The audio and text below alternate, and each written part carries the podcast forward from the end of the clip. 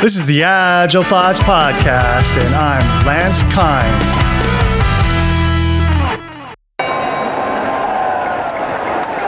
Safe, safe, safe, safe. Ladies and gentlemen, tonight, the main event. Let's get ready to scale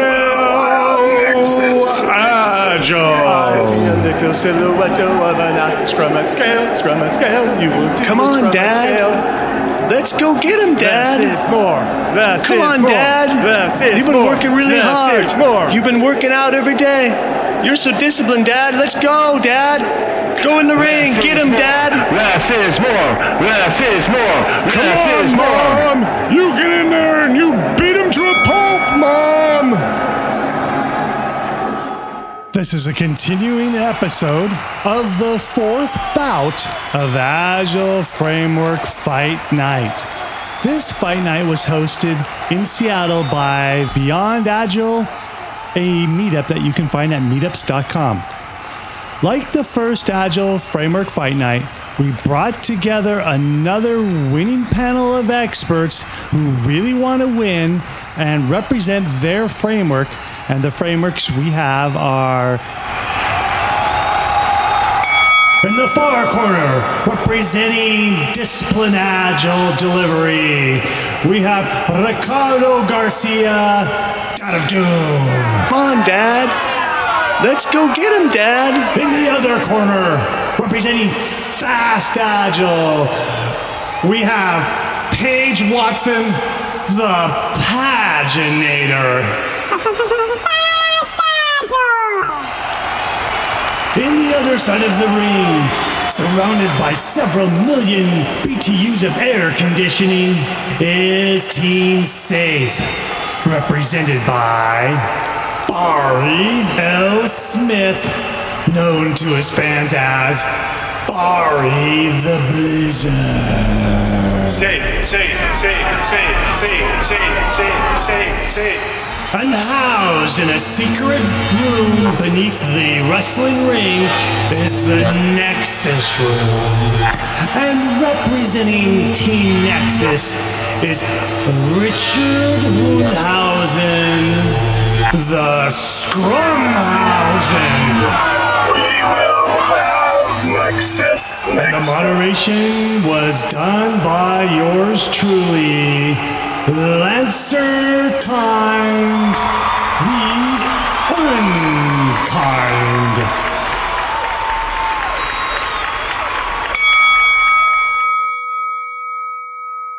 Let's move on to the agility and scaling topic. So here's the next question. If an organization wants to better respond to changing requirements and deliver value to the market incrementally at scale, why would they want to lock themselves into your prescribed framework when they could tailor their own system of delivery based on agile values and principles? This was asked by Luke Panzish. Luke, if you're listening, I would say that you would want to take a framework that's barely sufficient to scale, one that doesn't prescribe any particular way of working beyond a no longer than 15 minute daily scrum, one that focuses on goals, not work, not points, not hours, not plans, not silly string, but just goals. And if you can find anything out there that's lighter weight than that, that's empirical in nature, inspect and adapt the what and the how periodically, go for it. I've looked, I haven't found anything. So I don't think you're locking into anything with Scrum other than just a very loosely defined, barely sufficient framework in which to experiment, practice, and learn. Scrumhausen. I thought this was a great question.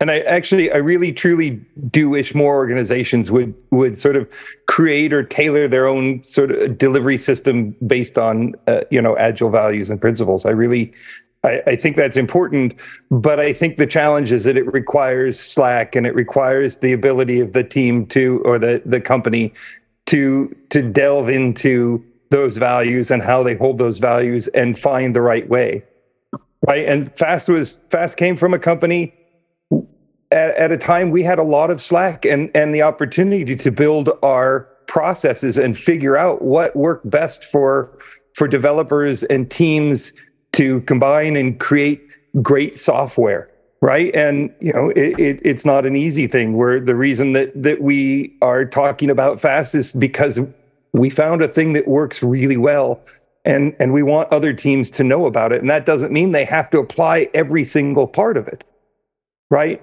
It, it it's really important that that you look at your processes and decide what works best for you. So well i'd love to to have everybody doing fast it, that's not really what's going to happen. What I really rather have them do is say, this is good and this is good and this is an excellent way and, and it's going to work for us and have the time to figure that out. So I think it's, you know, it, it's a great question. That's the paginator.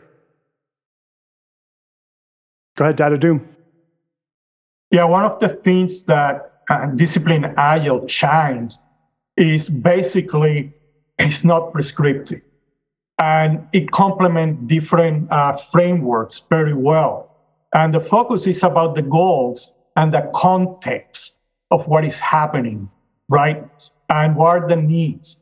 And with that identification on the context, what you need to do, then you can select practices and their decisions and guidance that helps other frameworks, especially SAFe, that is so prescriptive. The reality, uh, Barry, is I have not seen a good full deployment of SAFe because it's so big. Uh, don't get it wrong on these areas, but it's difficult for teams and the interpretation of each team, PI planning, and many other areas from SAFe become very, very difficult, even uh, if you're thinking that SAFe have all the controls. So that actually complement the frameworks. And the father of all the frameworks, let's start with Ivar Jacobson, that came back and said, well, you know what? Uh, we need to get out of uh, the prison of frameworks, right? It's not SAFe, it's not that, it's not less or Nexus. It's about practices. What are the best practices depending on the context? We need to get out of the jail of my job is only this framework because that's not reality. That's not what happened in Agile at scale. And if somebody think that is happening in a different way, I would like to hear about it, especially from SAFe. Dad of Doom. So I'm going to go and drop a little bit of the persona for right now. So here's the deal.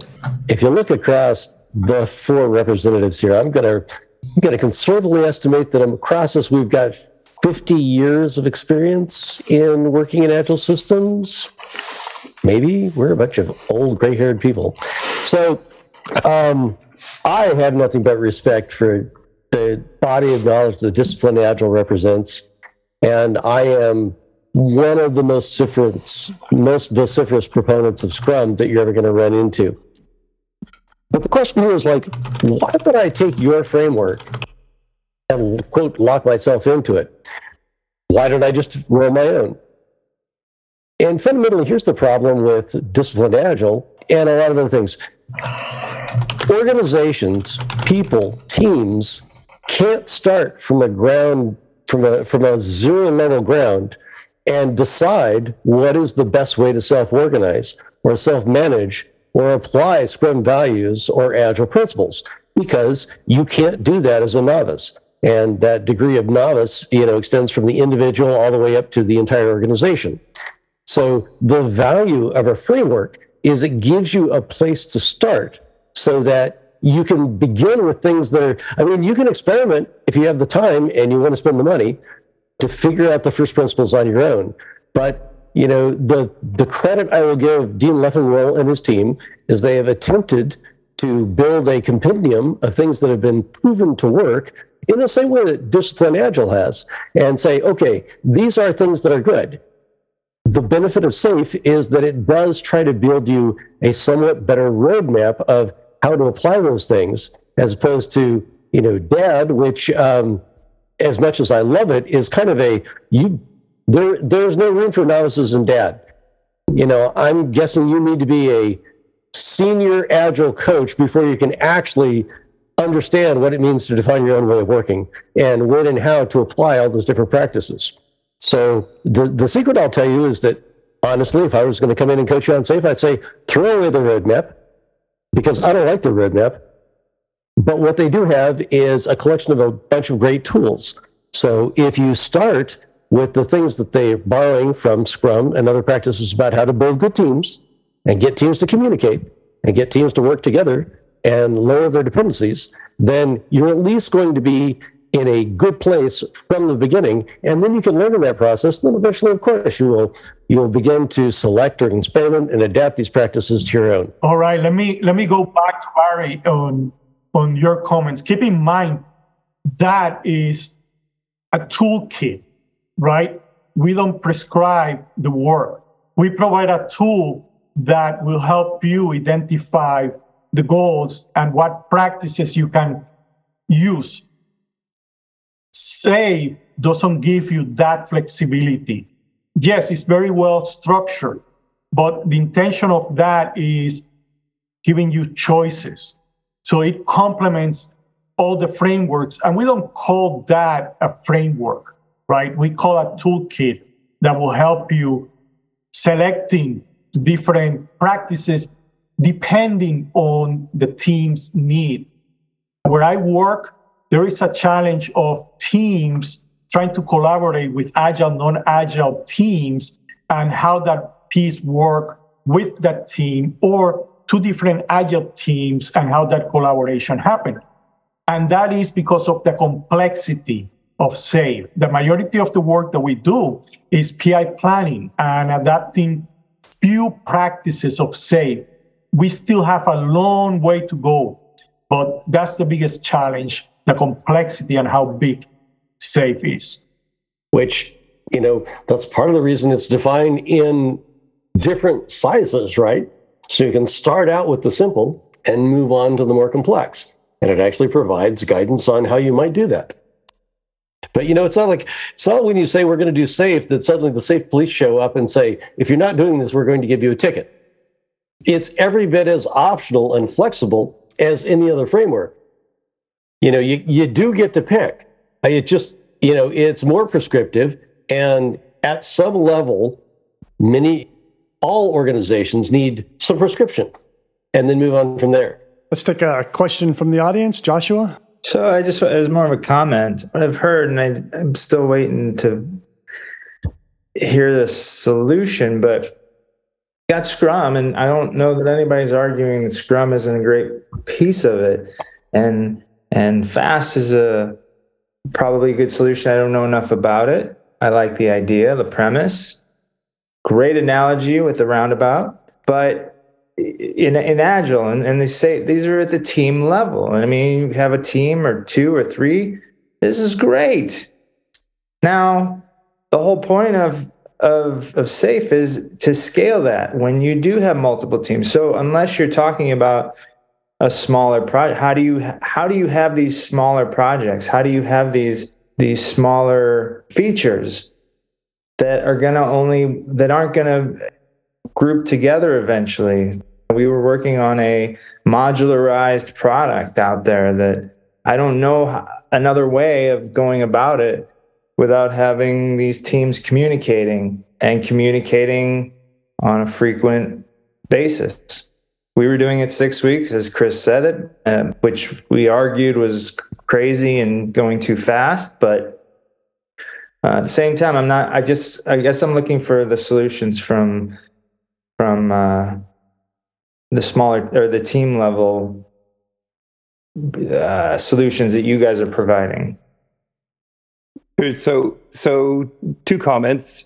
First, I, I wanted to go back and sort of and correct Ricardo that that safe is complicated, not complex. And then to answer your question, when personally doing fast, I've I've used fast at two different companies that I've been at now. The current one has 32 people. The previous one had 50 plus.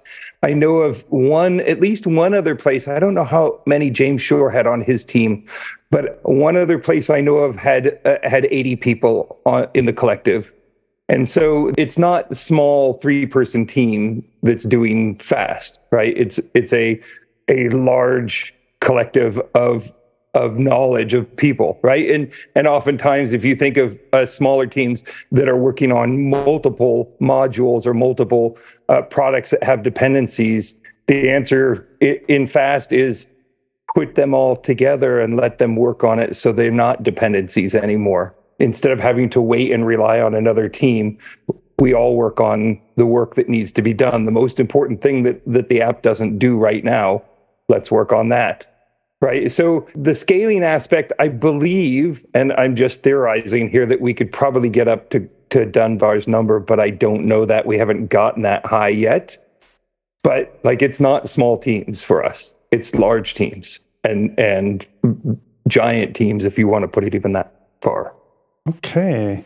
Take a quick look at the comments. So we say we see something about Safe provides choices from Janet Jones. Paginator says the goal set before the this the goal set before they know what agile is and the benefits can be and know you will want to react to those benefits. Then there's a response that about yes, this problem, yes, this is the problem. We will implement one, one of these frameworks and then we will be agile. I think that was a, a, discussion that we were having about transformations and and how they could often have a little more knowledge before we decide that we're going to apply X framework. Okay. And then Janet Jones says SAFE isn't any more complicated than any, any other frameworks or DAD. In my opinion, use what you need. Scrum Hauser suggests that we can we throw away the release train and PI planning and just keep some of the good practices they, they did come up with in the first place. And Barry says reasonable point, Chris. I'd say the caveat is your decision making about how to do X depends on your experience and knowledge. For people new to Scrum, lots of its prescriptiveness seems counterintuitive, and thus we're going to do Scrum But.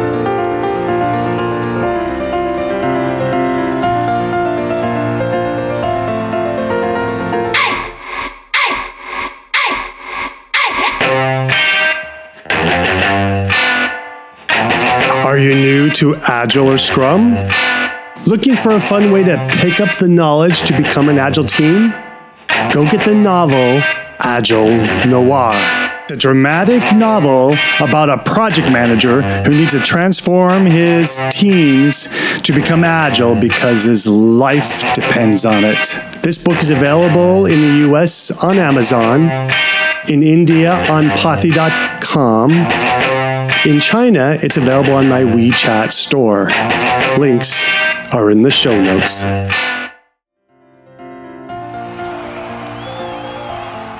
This is a continuing episode of Agile Framework Fight Night.